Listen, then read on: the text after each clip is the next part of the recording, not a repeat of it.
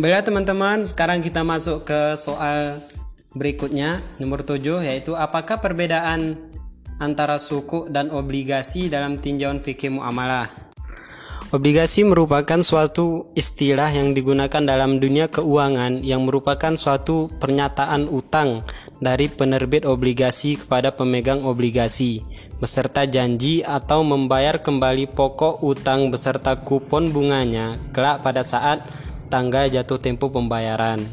Di, da di dalam negara kita Indonesia, surat utang dibedakan berdasarkan jangka waktunya, di mana surat utang yang diterbitkan oleh pemerintah dan berjangka waktu 1 sampai dengan 10 tahun itu disebut dengan surat utang negara atau SUN dan yang di bawah satu tahun itu disebut dengan perbendaharaan negara atau SPN.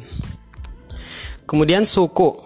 Suku atau sebenarnya adalah obligasi syariah itu merupakan surat berharga yang diterbitkan dan dipresentasikan kepemilikan investor atas aset yang menjadi dasar pener penerbitan suku atau underlying aset tanpa melakukan penerapan prinsip-prinsip syariah. Jadi walaupun keduanya hampir serupa antara suku dan obligasi, namun suku dan obligasi itu jelas memiliki perbedaan. Jadi perbedaan antara obligasi dan suku itu bisa kita lihat dan pertama dari aktivitas bisnis dan penerbit surat berharga. Itu di suku harus berlandaskan prinsip syariah dalam segala aktivitasnya. Penerbitan suku dapat dilakukan juga oleh penerbit non syariah asalkan proses penerbitannya sesuai dengan prinsip syariah.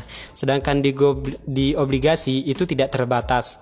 Kemudian kita bisa lihat dari sifat instrumen.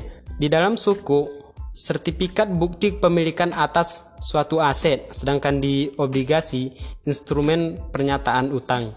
Kemudian kita lihat di di bagian penghasilan itu di suku adalah imbalan bagi hasil atau margin, sedangkan di obligasi itu bunga dan capital gain. Kemudian kita lihat dari jangka waktu.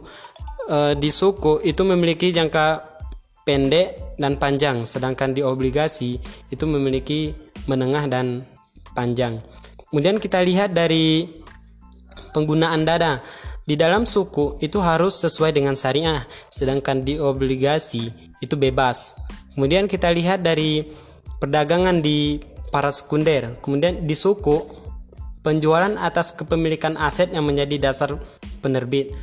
Kemudian jika di obligasi itu mencerminkan penjualan atas surat utang.